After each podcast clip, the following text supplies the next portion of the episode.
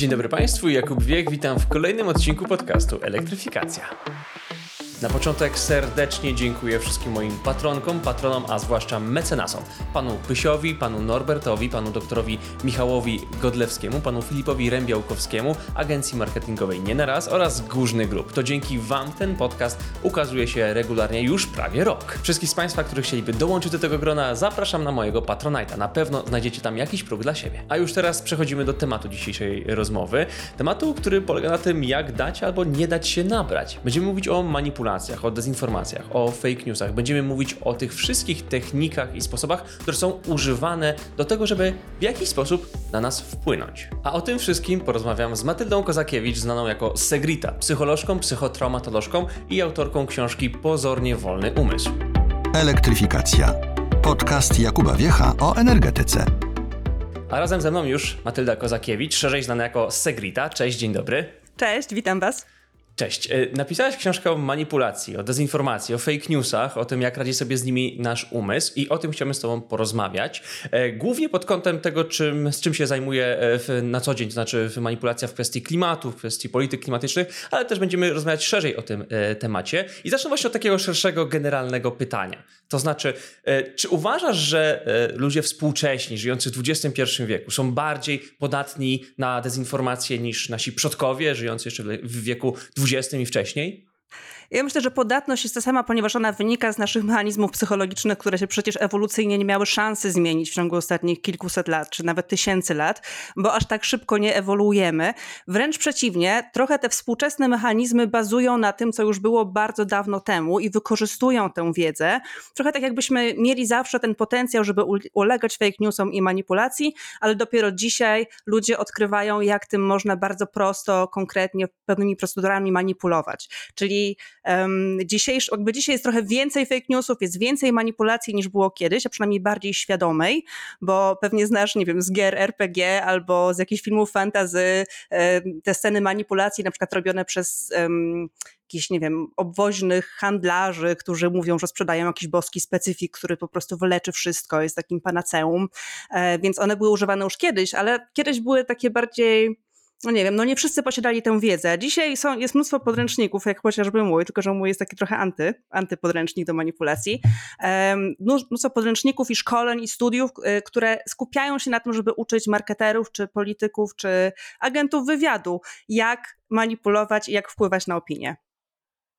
Czyli ta cała podatność na manipulację wynika stąd, że nasz umysł jest y, narzędziem nieidealnym jest idealnym narzędziem do tego, żebyśmy żyli razem we wspólnocie, bo jesteśmy gatunkiem stadnym i społecznym, więc na przykład te podstawowe sześć reguł manipulacji, które większość, nie wiem, czy psychologów, czy socjologów, czy w ogóle większość ludzi zna, na przykład reguła wzajemności, czyli jeśli ja ci coś dam, to ty masz potrzebę mi się odwdzięczyć, to jest tak naprawdę mechanizm, który spaja społeczność. Więc to jest mechanizm, który jest z, jakby jest z gruntu dobry. To nie jest tak, że powinniśmy się go wystrzegać, on jest, jest jakąś wadą naszego umysłu. Wręcz przeciwnie, to jest coś, co nas łączy i spaja. Natomiast wykorzystany w złym celu może powodować, że właśnie damy się naciągnąć na coś, czego nie potrzebujemy, co jest właściwie tylko i wyłącznie próbą zysku przez jakiegoś sprzedawcę na przykład.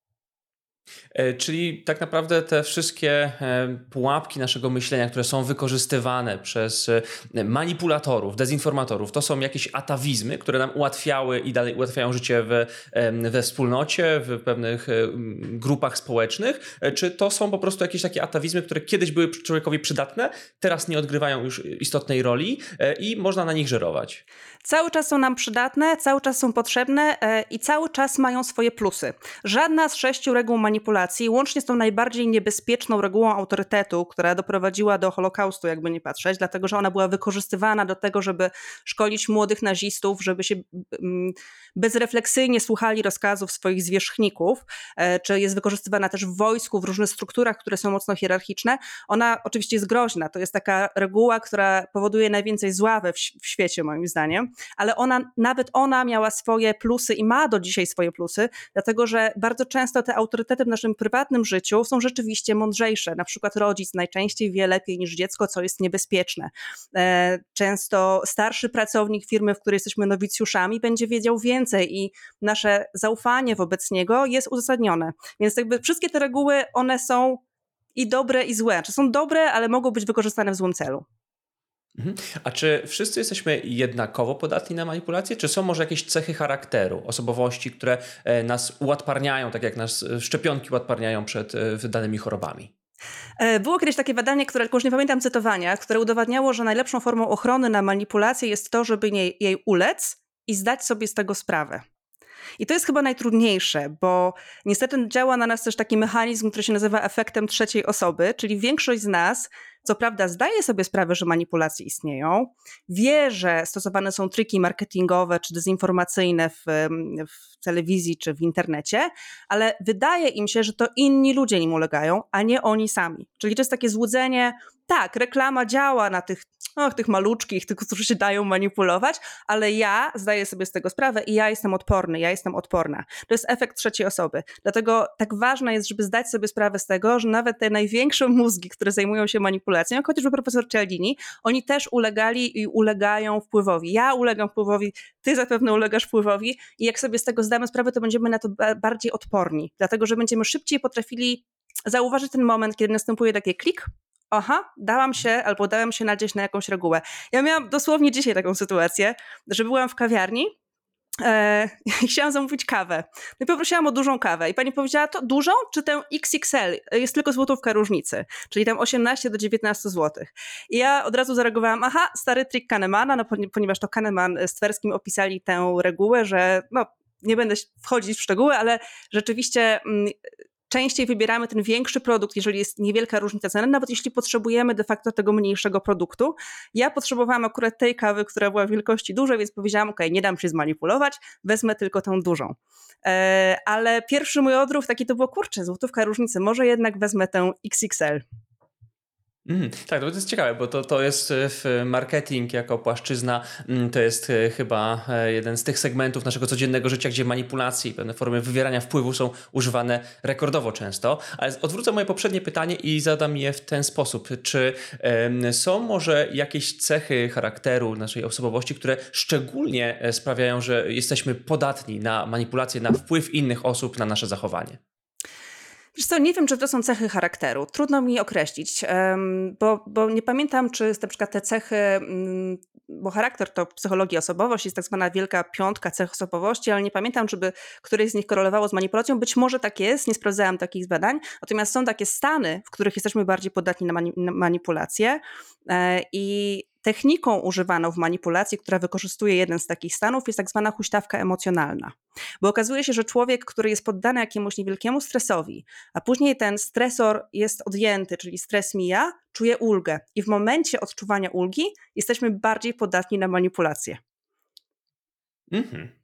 E, a to zapytam jeszcze w ten sposób. Czy uważasz, że nasz umysł, o którym powiedziałeś, że jest właśnie takim narzędziem e, idealnym do pewnego mm, egzystowania we wspólnocie, e, czy on dorósł do tego, żebyśmy poruszali się w obrębie tych struktur, które sobie teraz stworzyliśmy do wzajemnego komunikowania się? Chodzi mi mianowicie o social media. Czy uważasz, że dorośliśmy psychicznie do tego, żeby obracać się na takich platformach jak Facebook, Twitter czy YouTube? No, mm, powiem ci szczerze, że chyba nie. Wydaje mi się, że postęp Aha. technologiczny był szybszy niż nasz postęp intelektualny. Oczywiście nie ma na myśli postępu, jeśli chodzi o inteligencję, tylko bardziej o taką adaptację i dostosowanie się, dlatego że my nie jesteśmy stworzeni jako gatunek do tego, żeby żyć w tak ogromnych społecznościach, jak e, już nie mówiąc o milionach ludzi, ale nawet tysiąc osób. Te małe społeczności, w których żyliśmy i do których jesteśmy tak można powiedzieć, ewolucyjnie przygotowani, to jest kilkanaście, kilkadziesiąt osób. E, I wtedy na przykład to, że rozmawiamy w jakiejś grupie o innym człowieku, nie jest tak szkodliwe, jak to, jak w internecie na przykład tysiąc osób linczuje jedną osobę.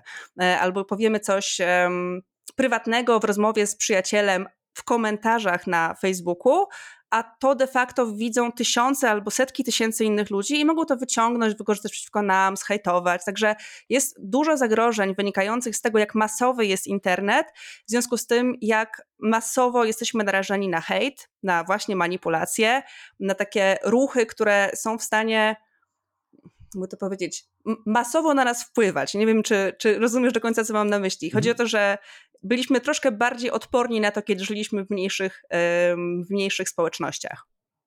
Mhm. E, pytam właśnie e, o to z tego powodu, że kilka odcinków wcześniej analizowałem fenomen dzikiego trenera, który urósł dla wielu do rangi autorytetu. I moim zdaniem to wynika między innymi z faktu, że posługuje się on narzędziami, które dają mu ogromny zasięg, dostęp do milionów osób, a takie narzędzia były jeszcze kilkadziesiąt lat temu właściwe chyba tylko dużym e, medium, dużym, bogatym redakcjom, które były w stanie sobie wykupić częstotliwość nadawania, uzyskać koncesje itd., tak itd. Tak i w ten sposób operować. A dzisiaj każdy może być e, odpowiednikiem takiej dużej redakcji e, sprzed kilkudziesięciu lat. I teraz takie pytanie, które powoli nas będzie kierować w stronę już e, rozmowy o, o klimacie, mianowicie co możemy z tym zrobić, e, co możemy zrobić z tym, żeby przede wszystkim nie dać się tak łatwo e, omamić, zmanipulować, e, żeby nikt nas nie mógł wpłynąć, zwłaszcza w internecie. Skupmy się na razie na social mediach. Co możemy zrobić? No, ja jestem za tym, żeby nie dać się takiemu zjawisku, i to chyba jest taki mój największy postulat, y, który najbardziej chcę podkreślić w książce, nie dać się takiemu zjawisku, które się nazywa bańki internetowe. Czyli mhm. nie dać się wepchnąć do grupy, w której będziemy tylko, słyszeli tylko poglądy osób, y, które myślą tak samo jak my. A niestety takie zjawisko jest i ono jest mocno wspierane przez algorytmy wszystkich social mediach, dlatego że one się po prostu opłacają. Znaczy, algorytm obserwuje, co lajkujemy i co oglądamy um, i podsuwa nam takie treści, które z większym prawdopodobieństwem będziemy dalej oglądać i lajkować. To, to ma sens, bo dzięki temu m, mm, częściej oglądamy to social medium, częściej scrollujemy Facebooka, Instagram, TikToka, cokolwiek um, i oni więcej na nas zarabiają, więcej danych od nas dostają, więc to ma sens i dla nich i tak naprawdę dla nas, ale ma ten minus, że jeśli oglądamy tylko te treści, które lajkujemy, tylko te treści, które nam się podobają, to medium przestaje nam w ogóle pokazywać treści osób, które mają inne poglądy. A w związku z tym zaczynamy żyć w takim złudzeniu, że większość osób wokół mnie myśli tak samo jak ja, być może w ogóle większość myśli tak samo ja, jak ja, a to z kolei sprawia, że ulegamy efektowi e, społecznego dowodu słuszności, czyli wydaje nam się, że mamy rację. E, co więcej, rozmawiając z ludźmi o podobnych poglądach, często się zapędzamy tej rozmowie o obozie przeciwnym, do hejtu, do mowy pogardy, bo tak naprawdę mowa nienawiści powinna być nazywana mową pogardy, bo dominującą emocją jest tam pogarda, a nie nienawiść. E, I Dam przykład z mojej bańki, no, bo, y, bo, bo, myślę, że łatwiej jest jechać po tym drugim obozie, e, a ja jestem w bańce, która najczęściej jednak nazywa ten drugi obóz, obóz nie wiem, szurami, jeżeli nie wierzą w szczepionki, albo um, mohorowymi beretami. Kiedyś to był ten moment, kiedy tak się nazywa, opisiory, um, zakute łby, no generalnie mówienie o tych, z którymi się nie zgadzamy negatywnie w taki sposób, że włączamy ich wszystkich do takiego wielkiego monolitu ludzi, którzy są niemoralni, nieinteligentni, źli e, i w ogóle najchętniej to by się, bym się od nich odcięła. I jeżeli wpadamy w ten mechanizm, wpadamy w tą bańkę informacyjną, to y, siłą rzeczy ograniczamy informacje, które do nas docierają. Co więcej, zaczynamy te informacje, które docierają do nas z naszych mediów, z tych, które obserwujemy, uznawać za dobre i właściwe, nawet jeżeli my też posługujemy się językiem pogardy. E, takim przykładem, sorry, że tak się rozgaduję, ale takim przykładem, który na mnie najbardziej um, trafia i troszkę mnie martwi, jest to, że w tych mediach e, nie wiem, lewicowych, takich e, demokratycznych, otwartych na świat, bardzo często pojawia się mowa pogardy, której przecież te media nie lubią i, i, i, są jej przeciwne, ale bardzo często zamiast takiego dziennikarstwa opartego na faktach, tam pojawia się taki język właśnie pogardliwy wobec osób, które myślą inaczej. Słuchaj, to ja się bardzo cieszę, że teraz rozmawiałem, bo ja jestem, z, wywodzę się z takich środowisk konserwatywnych. Ja się identyfikuję jako zielony konserwatysta i w mojej bańce to właśnie lewica jest uważana za tych, e, którzy pogardzają, e, którzy e, w, no, czują się jakoś wyżsi i tak. Dokładnie. Jezu, ja I to jest tak takie lustrzane odbicie. Jak, jak, przeczytałam u ciebie o tym, że ty e, najpierw publikowałeś w Gościu Niedzielnym Rzeczypospolitej, teraz Wyborczej, to się tak strasznie ucieszyłam, bo uważam, że to jest w ogóle na, na jedyna właściwa droga. To jest, żeby mówić do różnych mediów, mediów i czytać różne media. Pamiętam, jak był kiedyś taki trend, żeby nie przyjmować zaproszeń od e, telewizji śniadaniowej z TVP. I ja zadałam pytanie, ale dlaczego? No bo to jest zła telewizja, reżimówka, bla, bla, bla. No dobra, ale przecież ja rozumiem, że na przykład nie chcesz wystąpić w programie, który jest montowany i ktoś może zmontować twoją wypowiedź i ją zmanipulować, ale śniadaniówka jest na żywo. Oni nie są w stanie cię zmontować, więc jeżeli ty tam przyjdziesz ze swoim światopoglądem, który przecież chcesz szerzyć, nie? I to nawet nie tylko wśród swoich, którzy już i tak mają ten sam światopogląd, tylko właśnie wśród tych ludzi, którzy być może nie znają twoich poglądów, a może powinni je poznać, to właśnie idź do tej telewizji śniadaniowej z TVP, chodź zarówno do jednej, jak i do drugiej, chociaż oni z tego co wiem chyba nie chcą za bardzo się dzielić gośćmi, ale to jest jeszcze inna kwestia. E, tutaj właśnie e, ja się zawsze chwaliłem, że ja chodzę do obu kurskich, bo w pewnym momencie byłem i w TVP, i w Wyborczej. I to mi bardzo cieszyło, także, także mała auto, autoreklama. E, przejdźmy już do, do kwestii bardziej klimatycznych. W swojej książce Pozornie Wolny Umysł, którą nazwałeś takim antypodręcznikiem przed chwilą, opisujesz różne triki czy sposoby manipulacji wywierania wpływu. I trochę o tych trikach i o tych sposobach chciałem teraz porozmawiać pod kątem właśnie klimatu. Mianowicie, to jeszcze się odniosę do mojej mojej banieczki, bo e, w, w konserwatywnej banieczce, jeżeli chodzi o kwestię e, antropogenicznego globalnego ocieplenia, bardzo często panuje taki pogląd, że e, no, naukowcy są przekupieni, że to jest jakieś lobby, które e, ukuło sobie e, fałszywą teorię i e, jakoś forsuje narrację, zielony komunizm i tak dalej, i tak dalej. Tymczasem w twojej, w twojej książce, a też w naszej rozmowie już padł tutaj efekt autorytetu, który jest pewnym narzędziem wpływu na nas. To jest efekt, który właśnie moim zdaniem tutaj kontrastuje z tym, jak obecnie są odbierani w tej mojej banieczce naukowcy. I moje pierwsze pytanie w tym momencie brzmi, czy faktycznie ten efekt autorytetu autorytetu cały czas działa? Czy e, jesteśmy jeszcze podatni na to, że ktoś ma tytuł profesora, że ma nawet e, odpowiedni e, strój, kitel czy stetoskop przywieszony przez szyję? Czy to jeszcze jest aktualne? Słuchaj, on działa i on działa w obu bańkach, e, tylko że e, dla każdego człowieka coś innego i ktoś inny będzie autorytetem. Czyli na przykład dla mnie autorytetem będą naukowcy, chociaż też tak naprawdę uważam, że ja w ogóle uważam, że ja nie mam autorytetów. To znaczy, autorytet często jest postrzegany jako osoba, która właściwie cokolwiek nie powie, cokolwiek nie zrobi, to jest to dobre, a ja no ja tak nie myślę o żadnym człowieku. Znaczy za zakładam, że każdy człowiek może się mylić i że każdy człowiek może robić coś niefajnego i to nie znaczy, że nie jest, nie wiem, mądry w innej kwestii, w innej dziedzinie. Natomiast e, wracając do tego, dla na przykład innych autorytetem będzie Lewandowski, który nie jest e, ani naukowcem, ani, nie wiem, słynnym biznesmenem, chociaż może jest, nie wiem, nie znam się, ale jest głównie po prostu słynnym sportowcem. E, I efekt autorytetu polega na tym, że cokolwiek nie zrobi Lewandowski, jakiegokolwiek drinka e, się nie napije, mam na myśli oczywiście drinki bezalkoholowe, bo sportowiec, e, czy nie, w jakichkolwiek siłach nie chodzi, jakikolwiek nie nosi zegarek i samochód i mieszkanie, to to musi być dobre, bo to jest mój autorytet. Czyli efekt autorytetu nawet nie polega na tym, że wybieramy osobę, która jest w kitlu i ze stetoskopem, tylko wybieramy osobę, która nam czymś imponuje i roztaczamy wokół niej trochę szerszy obszar wpływu, czyli dajemy jej prawo do tego, żeby decydowała o wielu naszych decyzjach, nawet jeśli nie są związane z jej ekspertyzą. No bo tak naprawdę Lewandowski powinien być autorytetem w kwestii grania w piłkę nożną albo mm, bycia sportowcem i trenowania, a z kolei naukowiec powinien być autorytetem w kwestii nauki i to tej konkretnej, którą się zajmuje. E, a e, efekt autorytetu polega na tym, że temu naukowcowi dajemy prawo do decydowania na przykład o tym, jaki styl życia powinniśmy prowadzić. A czy dałoby się z tego efektu y, faktycznie jeszcze skorzystać, ale dla dobrych celów? Mianowicie, żeby naukowcy, klimatolodzy, fizycy atmosfery znowu stali się pewnymi drogowskazami, jeżeli chodzi o mm, działanie, jeżeli chodzi o kroki podejmowane celem wyhamowania zmiany klimatu. Bo mam wrażenie, że w wielu grupach społeczeństwa, zwłaszcza po okresie pandemii, y, autorytet y, naukowców trochę podupadł. E, to oczywiście ma związek z różnymi e, działaniami, trudno to teraz e, szeroko opisywać, ale czy dałoby się naprawić ten efekt autorytetu tak, żeby działał z pożytkiem dla nas wszystkich? Myślę, że nie, że nie do końca to tak działa, że trzeba go naprawić, czy tam czy, czy można go naprawić. po prostu no, na przykład osoby, które nie wierzą w skuteczność czy bezpieczeństwo szczepionek, nie uważają lekarzy czy naukowców za autorytet.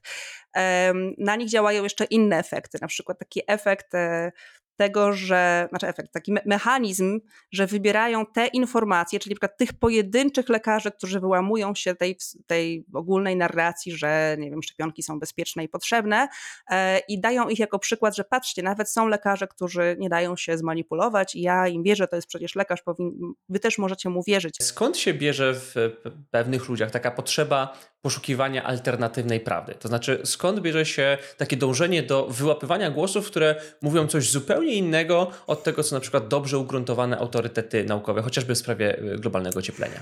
No dobra, to jest kilka y, możliwych przyczyn. Pierwsza to jest dysonans poznawczy, czyli na przykład to, że jeżeli ja wierzę w coś od jakiegoś czasu i zainwestowałam w to jakieś moje zasoby, na przykład czas, pieniądze, załóżmy, że jest to homeopatia, bo to jest taki bardzo jaskrawy przykład, że homeopatia, mamy dowody naukowe na to, że ona nie działa, w sensie, że to jest efekt równy efektowi placebo, e, ale mm, tak długo już istnieje w świecie, że część osób pewnie zanim dostała informację o tym, że ona nie działa, to wysłuchało jakieś reklamy środków homeopatycznych w czasach, kiedy jeszcze nie były zakazane, zaczęło jej używać i ponieważ efekt placebo, jak wiesz, też działa do pewnego stopnia, być może nawet się poczuli lepiej po takim specyfiku, e, być może, nie wiem, kupili książkę na ten temat, być może namówili do tego rodzinę, znajomych, e, więc, za, więc zainwestowali czas i zaangażowanie i środki finansowe w to, żeby, żeby uprawiać leczenie homeopatyczne, a potem nagle dostają informację, że to nie działa, że są dowody naukowe, że, że homeopatia nie jest de facto lekiem.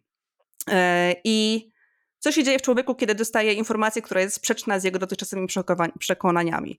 No, wywala te fakty do kosza, ponieważ ochrona samooceny jest tak silna, ta potrzeba ochrony samooceny i E, przyznania się przed sobą, znaczy właściwie nawet nie przyznawanie się przed sobą, że się myliłem, jest tak silna, że właśnie zaczynamy myśleć, że nie. Czyli te fakty tak naprawdę to jest kłamstwo. To jest wielka, wielki spisek, jakieś big farmy, to jest jakaś manipulacja, próbują nam coś wmówić. Stąd się właśnie biorą teorie spiskowe, że my jesteśmy przekonani, że ktoś nami manipuluje, ale jesteśmy przekonani tylko dlatego, że wcześniej już musieliśmy uwierzyć w tę nienaukową kwestię. E, I myślę, że ze zmianami klimatycznymi jest podobnie. To znaczy, bardzo często człowiek tak zdroworozsądkowo patrząc, tak wiesz, prosto, e, no widzi, no, no bo są, są cieplejsze dni, ale są zimniejsze dni, więc no co mi ktoś będzie wciskał, że się zmienia klimat. No przecież to jest jakaś bzdura. I skoro przez tyle lat jakby widzisz to, że no, upały to były zawsze, ja pamiętam w dzieciństwie, jak były upalne dni, przecież to ja nie, ja nie czuję, żeby było cieplej. E, to jak ktoś ci przyjdzie i powie, że klimat się zmienia i to w ogromnym tempie, to sobie myślisz, jakim ogromnym tempie? Gdyby było w ogromnym tempie, to byśmy mieli teraz pustynię tutaj zamiast lasów. To by było ogromne tempo. Na pewno mnie w jakiś sposób manipulują. No i dochodzi do tego właśnie wymyślania teorii spiskowych. A teorie spiskowe jeszcze mają jeden fajny efekt manipulacji w sobie, mianowicie one wykorzystują regułę niedostępności. Czyli sugerują ci, że to jest wiedza tajemna, to jest wiedza niedostępna. Naukowcy ci o tym nie powiedzą, bo są przekupieni. Ale niektórzy, ci wybrani, oni wiedzą, że tak naprawdę to jest po to, żeby nami manipulować. Zauważ, że zobacz, lęk przed manipulacją, byciem zmanipulowanym de facto sprawia, że jesteśmy bardziej podatni na manipulację. Bardzo ciekawy mechanizm. Znaczy, e, to faktycznie jest takie trochę błędne koło, bo e, my się zapędzamy czasami, e, chcąc się bronić przed manipulacją, łapiemy się właśnie w takie sidła. Natomiast chciałbym zapytać jeszcze pod kątem tego, co przed chwilą usłyszeliśmy. Mm, skoro mniej więcej wiemy, skąd wynika ta potrzeba do poszukiwania tej alternatywnej prawdy, w cudzysłowie oczywiście, i skoro wiemy mniej więcej, jakie mechanizmy psychiczne zachodzą w, w ludziach, którzy są wyznawcami na przykład teorii spiskowych, to jak najlepiej z nimi rozmawiać? Jak, bazując na tej wiedzy, wiedzy psychologicznej, poszuki, poszukiwać kanałów dotarcia do nich, tak żeby z jednej strony ich nie odstraszyć, nie urazić, a z drugiej strony, żeby trochę im zacząć suflować te narracje, które zasadzają się na rzeczywistości? E, to jest świetne pytanie i e, miałam wielką ambicję, żeby właśnie w mojej książce nie pisać tylko o manipulacji, ale też o tym, jak e, prawdziwie wpływać na ludzi. Mm, dlatego, że ta manipulacja, którą znamy, polegająca głównie na mówieniu ludziom, czego nie powinni robić, typu na przykład, nie wiem, e, nie jeździ samochodem, nie lataj sam, samolotami, e, segreguj śmieci, nie wiem, nie pal w kominku. E, to są metody, które, które są presją, a w związku z tym powodują reaktancję, czyli opór psychologiczny, a więc sprawiają, że człowiek tak się zaczyna bronić, bo czuje, że zagrożona jest jego wolność i to nie działa.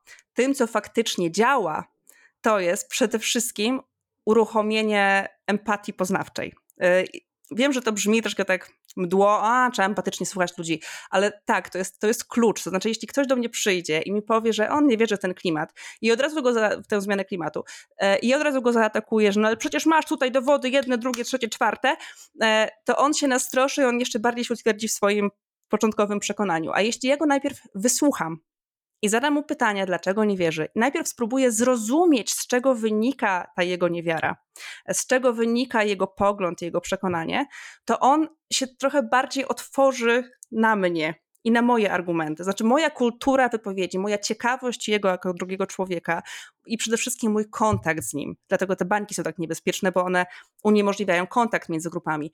Mój kontakt z tym człowiekiem sprawi, że on ma szansę na zmianę poglądów. I mówiąc o szansie na zmianę poglądów, mam na myśli to, że ja muszę przez cały czas mieć w sobie taką myśl i gotowość na to, że on tych poglądów nie zmieni.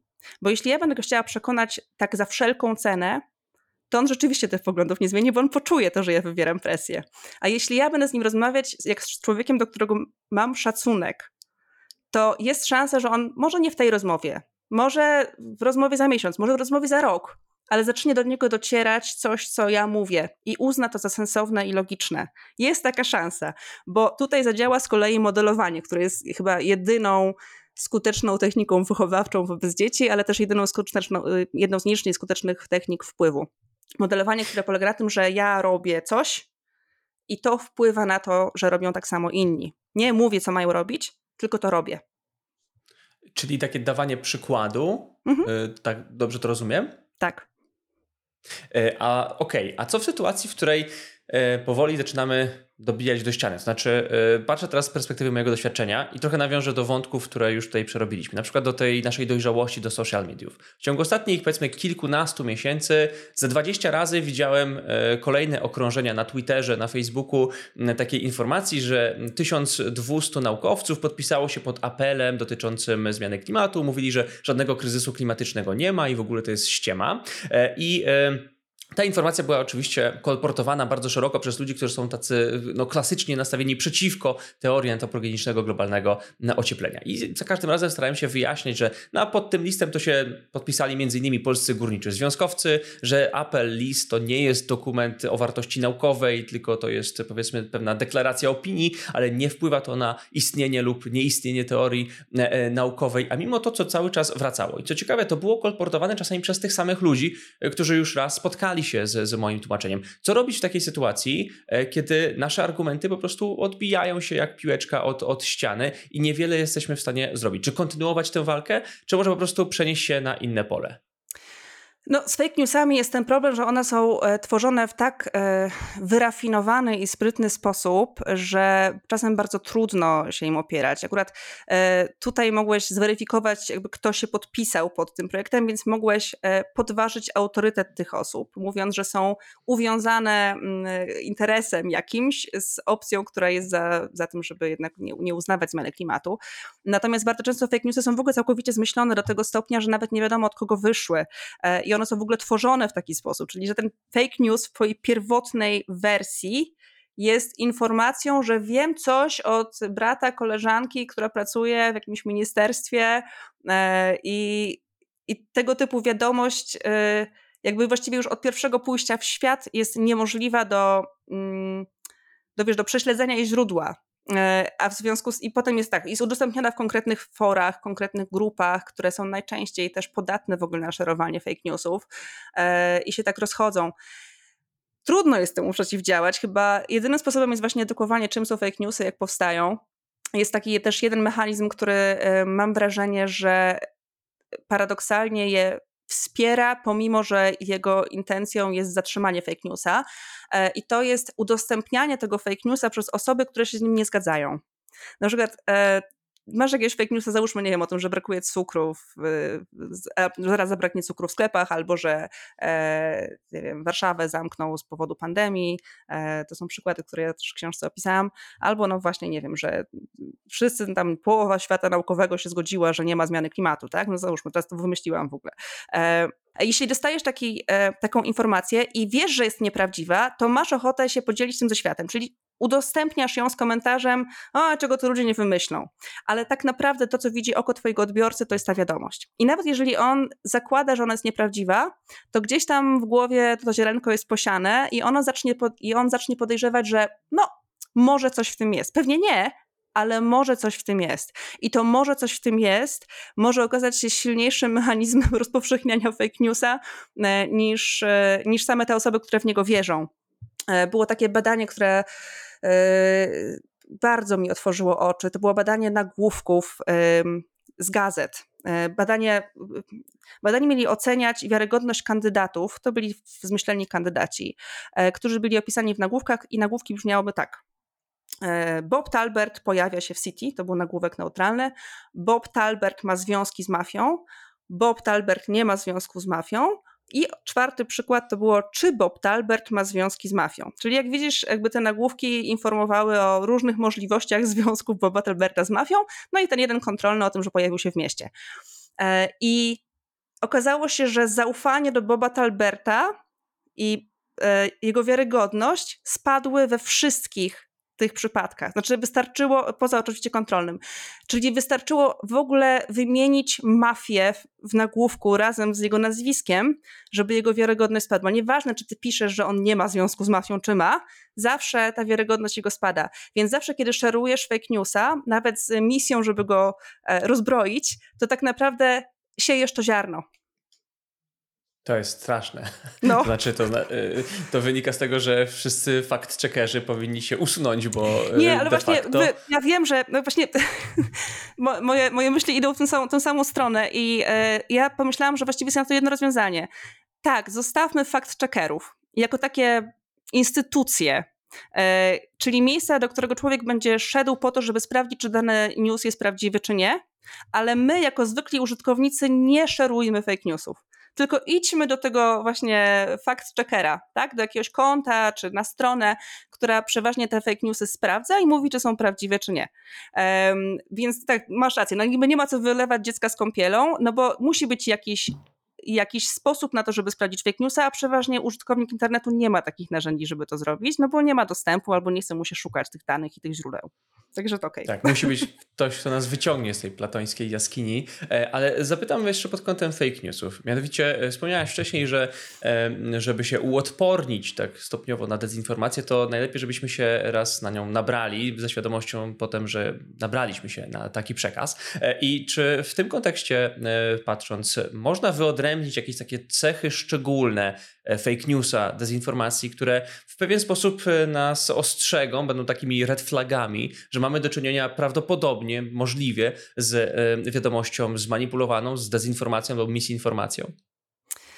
Mm, wiesz co, nie wiem, czy dam ci dobry przykład z, akurat z, z tematu klimatu, e, ale ja sobie znalazłam taki sposób e, na identyfikację, całkiem skuteczną identyfikację fake newsów w temacie wojny i dezinformacji rosyjskiej. Mianowicie ja po prostu podejrzliwie patrzyłam na każdy news, który był na rękę Rosji. Każdy. Znaczy, nieważne na ile był prawdziwy czy nie, dlatego że w ogóle jedną z takich zasad tworzenia fake newsów jest to, żeby on był w większości prawdą. To jest właśnie jeden z tych najbardziej wyrafinowanych elementów fake newsa. Czyli, że osoba, która go tworzy, nie zmyśla go od początku do końca, tylko opiera się w większości na prawdzie. Zazwyczaj zaczyna i kończy na prawdzie, a w środku wkłada jakąś niepokojącą inną informację. Więc my czytając go, yy, mówimy, no tak, tu się zgadza, tu się zgadza, tu się zgadza, no więc pewnie tu też się zgadza. E, Takie trochę tak... jajko ze zgniłą niespodzianką. No, trochę tak, jajko ze, dokładnie, ze zgniłą niespodzianką. I um, w związku z tym rzeczywiście my czytając fake newsy, E, bardzo często się dajemy na nie nabrać właśnie przez ten element prawdy. E, to jest zresztą reguła, którą e, Goebbels stosował w propagandzie, więc to jest w ogóle wykorzystywane już od dawna. No i moim sposobem na to było to, żeby właśnie sprawdzić, czy w ogóle ten news jest na rękę Rosji. I jeżeli był, to ja na wszelki wypadek go nie udostępniałam. Ponieważ zakładałam, że nawet jeśli jest prawdziwy, no to jakby trudno, no jakby nie, nie, będę ryzykować. Albo sprawdzę go właśnie w jakimś fact-checkingowym źródle.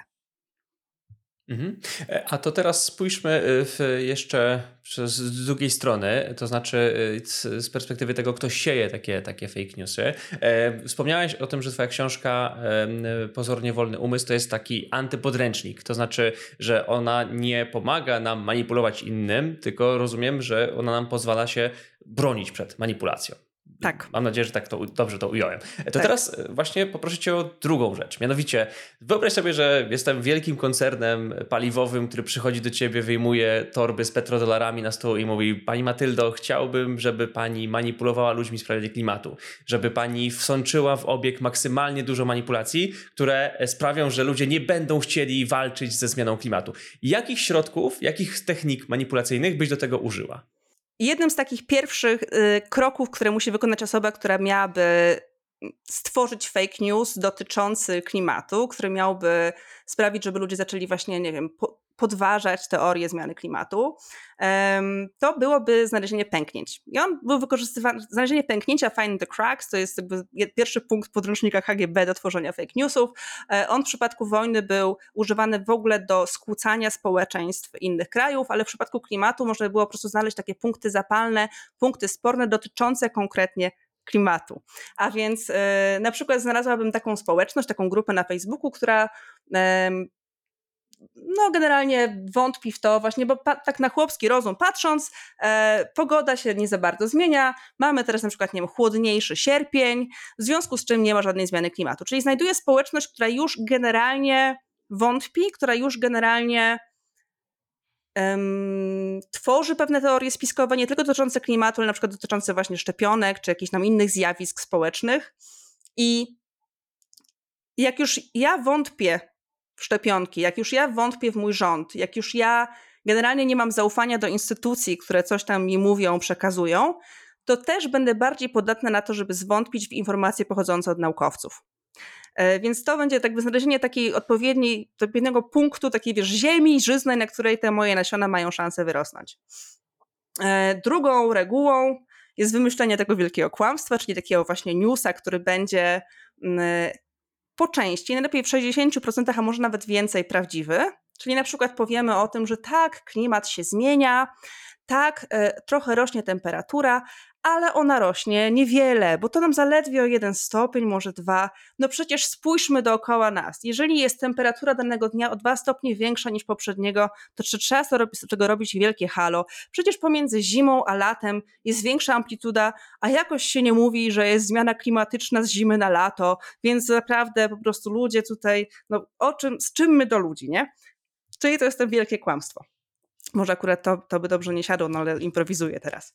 Później, e, no i to jest to właśnie ziarno prawdy, które musi być ukryte e, w tym kłamstwie. Na końcu muszę ukryć swoją rękę. Czyli to nie może być tak, że ja jako Matylda Kozakiewicz piszę tego fake newsa. Tylko ja muszę wskazać, że to jest coś, co w ogóle mówiła moja prababka, albo to jest coś, e, że moja prababka też słyszała te informacje o zmianie klimatu, ale w nie nie wierzyła i co, i miała rację, a jeszcze miała rację w innych kwestiach, więc generalnie mądra kobieta była. Albo przekazuje, że to jest informacja, którą wiem tak naprawdę ze środka naukowego PAN, bo tam ludzie wiedzą, jaka jest prawda, tylko mają obowiązek wysyłać te fake newsy dotyczące zmiany klimatu do społeczeństwa, czyli trochę odwracam kota ogonem.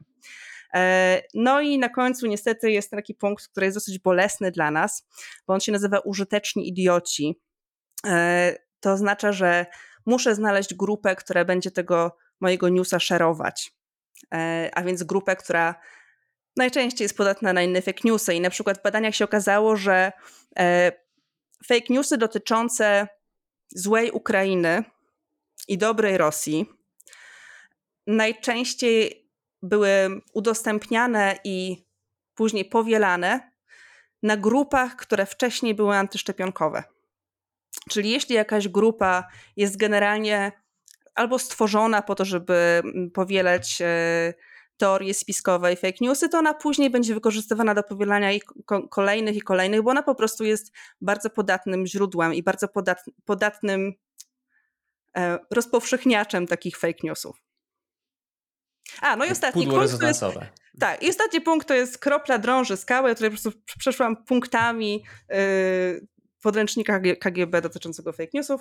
Kropla drąży skałę to jest ta mm, ta technika, że tak naprawdę nie chodzi o wymyślenie jednego fake newsa i zainwestowanie w niego kupy hajsu, żeby się rozszedł, tylko wymyślanie bardzo wielu fake newsów, które mają iść tak trochę od dołu, właśnie czyli z tych małych grupek, żeby ludzie sami podawali je dalej. Mhm. Wiesz co, tutaj dojdzie do głosu teraz moje takie y, konserwatywne, y, konserwatywny background i, i, i zwłaszcza moje konserwatywne wychowanie, mianowicie, bo to co mówisz, ten cały opis tworzenia y, fake newsa skojarzył mi się bardzo mocno i teraz będzie taki po, powiązanie intertekstualne z Ewangelią, z tym, co czytaliśmy na kartach Ewangelii bodajże świętego Marka albo świętego Mateusza, już po zmartwychwstaniu Chrystusa, kiedy Sanhedryn e, przekazał swoim uczniom, żeby chodzili i rozpowiadali, że uczniowie ukradli ciało Chrystusa, że on wcale nie zmartwychwstał, tylko jego uczniowie wzięli go z grobu e, i tam jest dokończenie, że i ta opowieść krąży wśród Żydów do dziś. No i to jest tak właśnie, kurczę, no ten mechanizm powtórzony, tylko dwa tysiące lat temu. Bardzo mi się to skojarzyło. Znowu, przepraszam, to jest takie właśnie moje konserwatywne wtręty. A to Ale jest bardzo to jest ciekawe, super, co że te powiązania, bo on, można je znaleźć właściwie po każdej stronie, w każdej bańce, w każdej jakby E, w każdej instytucji, która się hmm. trudni tym, żeby rozsiewać plotki. No to tak jak wiesz, w, w grze o tron, jakby Warys był mistrzem hmm. plotek i on nie tylko zbierał informacje, ale też rozsiewał informacje i informacja jest siłą, więc takie małe, małe e, newsy, które gdzieś tam tymi swoimi ptaszkami wysyłasz w świat, one często mają dużo większy wpływ na ludzi niż ten wielki komunikat z Ambony, czy tam wiesz, z jakiegoś tam królewskiego hmm. tarasu wygłoszony do ludu. A słuchaj, tak e, patrzysz właśnie w, w, swojej książce między innymi właśnie na te techniki stosowane przez e, takie instytucje jak KGB e, i konfrontujesz je z możliwościami poznawczymi, intelektualnymi przeciętnych ludzi. Ludzi, którzy często nie mają czasu dokładnie przeczytać artykułu jadąc tramwajem z pracy do domu i mają dosłownie chwilę, żeby to przelecieć wzrokiem po tytule i lidzie. Czy my naprawdę jesteśmy w stanie się bronić cały czas jeszcze przed, przed fake newsami? Czy jesteśmy w stanie dać tamę zalewowi tej dezin dezinformacji, która mm, gdzieś tam krąży w obiegu? Ja myślę, że głównie powinniśmy jednak przeciwdziałać systemowo. I tutaj trochę nawiązując do klimatu, e, uważam, że w ogóle taka polityka wywierania presji na ludzi, żeby każda jednostka e, się zmieniła po to, żeby nie ulegać fake newsom, jest dużo bardziej kosztowna i, i moim zdaniem troszkę bezsensowna w porównaniu do tego, jak niewiele względnie niewiele by nas kosztowało wprowadzenie systemowych rozwiązań, które by temu przeciwdziałały. Mówiąc o systemowych rozwiązaniach, mówię o śledzeniu troli, śledzeniu źródeł fake newsów, e, w jakiś sposób karaniu osób, które wypuszczają takiego fake newsa. No bo jeżeli ktoś wypuszcza fake newsa, gdzie mówi o swoim zdaniu po prostu, no to to nie jest złamanie prawa, ale jeśli ktoś wypuszcza fake newsa, którym podaje fałszywe badanie, które nigdy nie zostało zrobione, e, no to warto by było wprowadzić jakieś prawo, które będzie w jakiś sposób tego publicystę, no bo każdy w internecie jest dzisiaj publicystą, e, będzie ograniczało. No kiedyś byliśmy coś takiego jak to prawo dziennikarskie, czyli żeby, żeby w ogóle być dziennikarzem trzeba się było dostać do gazety, trzeba było było przechodzić te, wszystkie procesy rekrutacyjne, a później proces dopuszczania tekstu do druku. No i ten dziennikarz musiał mówić prawdę. W tej chwili każdy z nas jest dziennikarzem internetowym e, i w związku z tym każdy może być takim trolem albo użytecznym idiotą, który przekaże fake newsa dalej. E, I powinny być jakieś rozwiązania, które po prostu będą tym ludziom uniemożliwiać albo przynajmniej zniechęcać do tworzenia takich e, fałszywych treści i już czy tam udostępniania ich i dalej. A nawiązałam do klimatu dlatego, że ja też jestem przeciwna temu, żeby zwalać na tego poszczególnego, wiesz, Kowalskiego, takiego zwykłego człowieka odpowiedzialność za zmianę klimatyczną i namawiać go do tego, żeby na przykład, nie wiem, pamiętasz tą akcję z e, plastikowymi słomkami, tak, że mhm.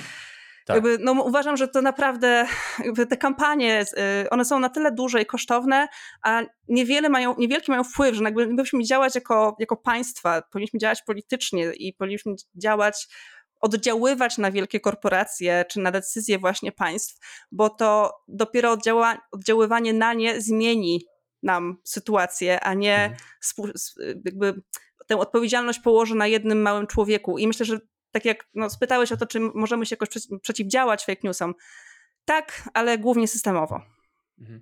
Tak, no to tutaj też chyba warto zauważyć, że e, przełożenie tej odpowiedzialności z dużych podmiotów, takich jak państwa, korporacje, na jednostki, też w zasadzie jest pewną formą dezinformacji czy manipulacji. Znaczy, że daliśmy sobie wmówić, że to od naszej słomki zależy to, czy klimat się e, uratuje, czy nie. No wygląda to trochę inaczej, niestety. Był taki tekst bardzo dobry Kamila Pfeiffera o tym, jak te jednostkowe działania bardzo w ograniczonym stopniu pomagają, chociaż oczywiście dla perspektywy jednostki są korzystne. Natomiast z punktu widzenia systemowego, to jednak one nie rozwiązują tych problemów, które są kompleksowe, takich jak zmiana klimatu. Natomiast dopytam jeszcze a propos naszej możliwości obrony przed dezinformacją, przed, przed manipulacją.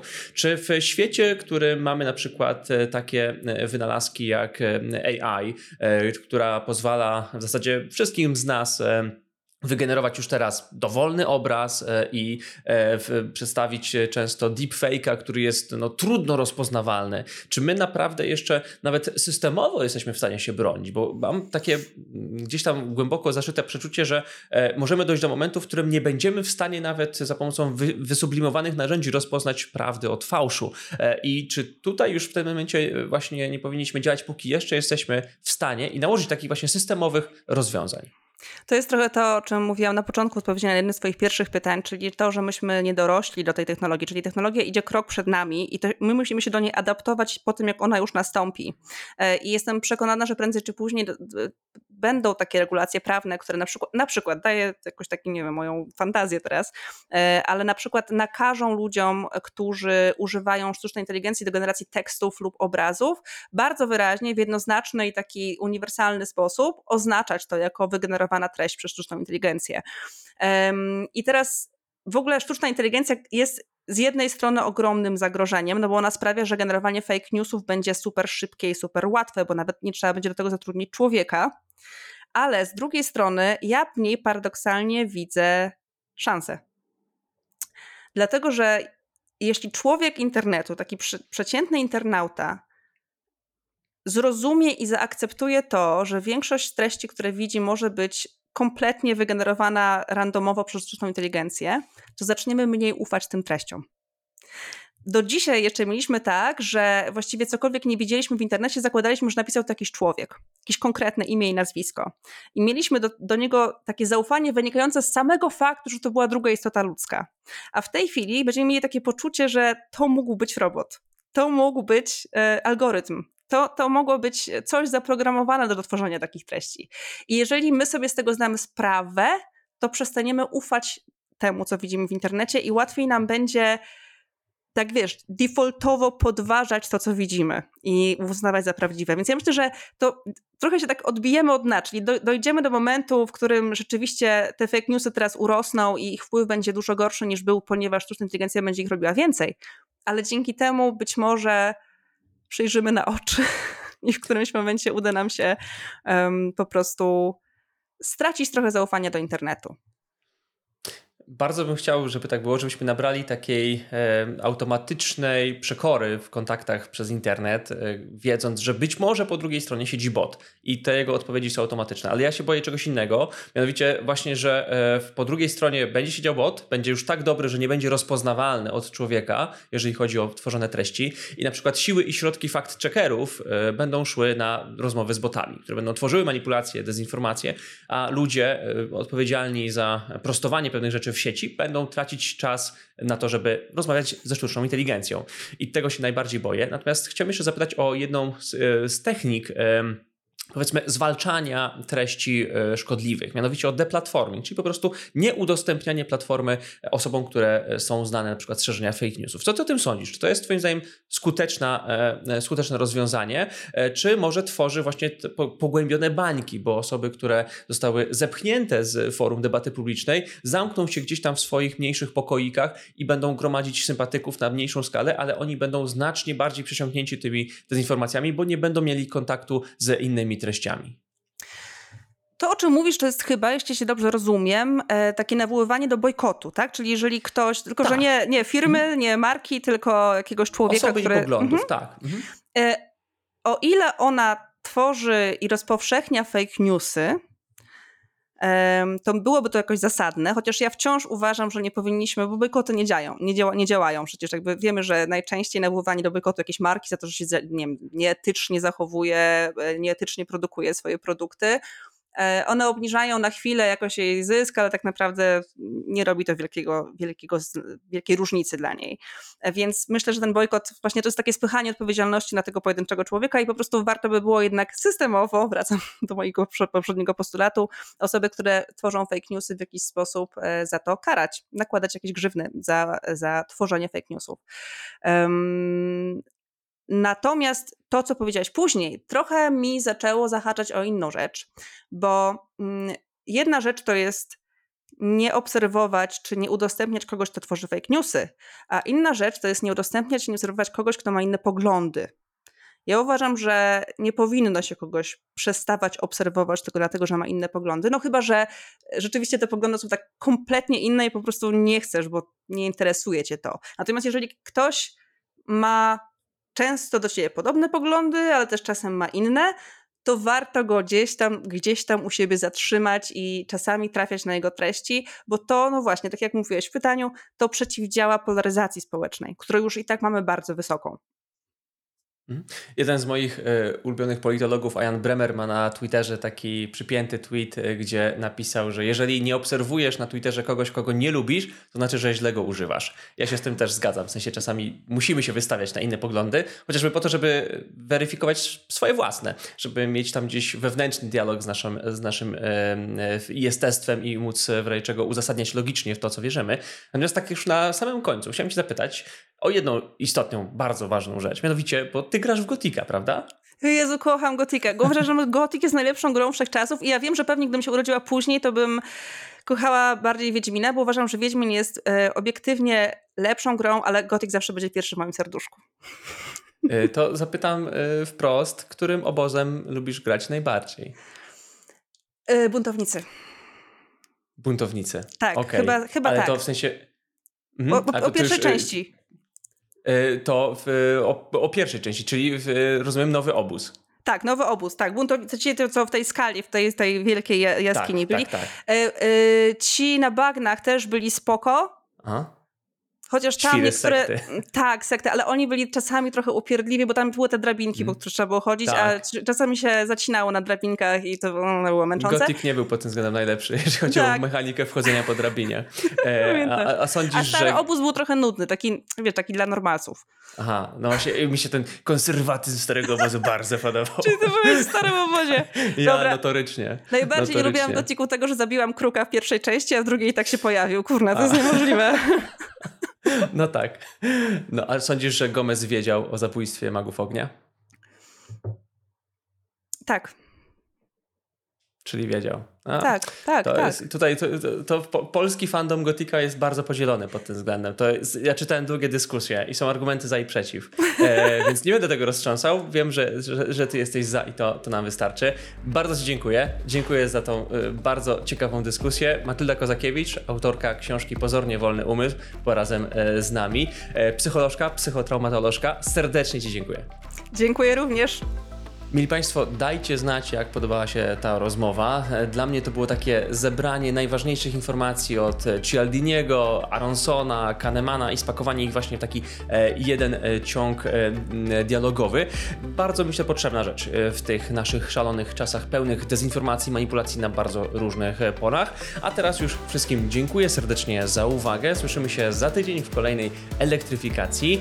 Dziękuję za Państwa wsparcie, dziękuję moim patronkom, patronom, a zwłaszcza mecenasom. Panu Pysiowi, panu Norbertowi, panu doktorowi Michałowi Godlewskiemu, panu Filipowi Rębiałkowskiemu, agencji marketingowej Nie na raz oraz Górzny Gród. Dziękuję za to, że jesteście ze mną, bo dzięki wam elektryfikacja się wydaje. Jeżeli ktoś chciałby dołączyć do tego grona, odsyłam do mojego Patronite'a, a wszystkich innych proszę o lajkowanie, udostępnianie i komentowanie na wszystkich moich socjalach. Do usłyszenia za tydzień. Jakub Wiech, kłaniam się nisko.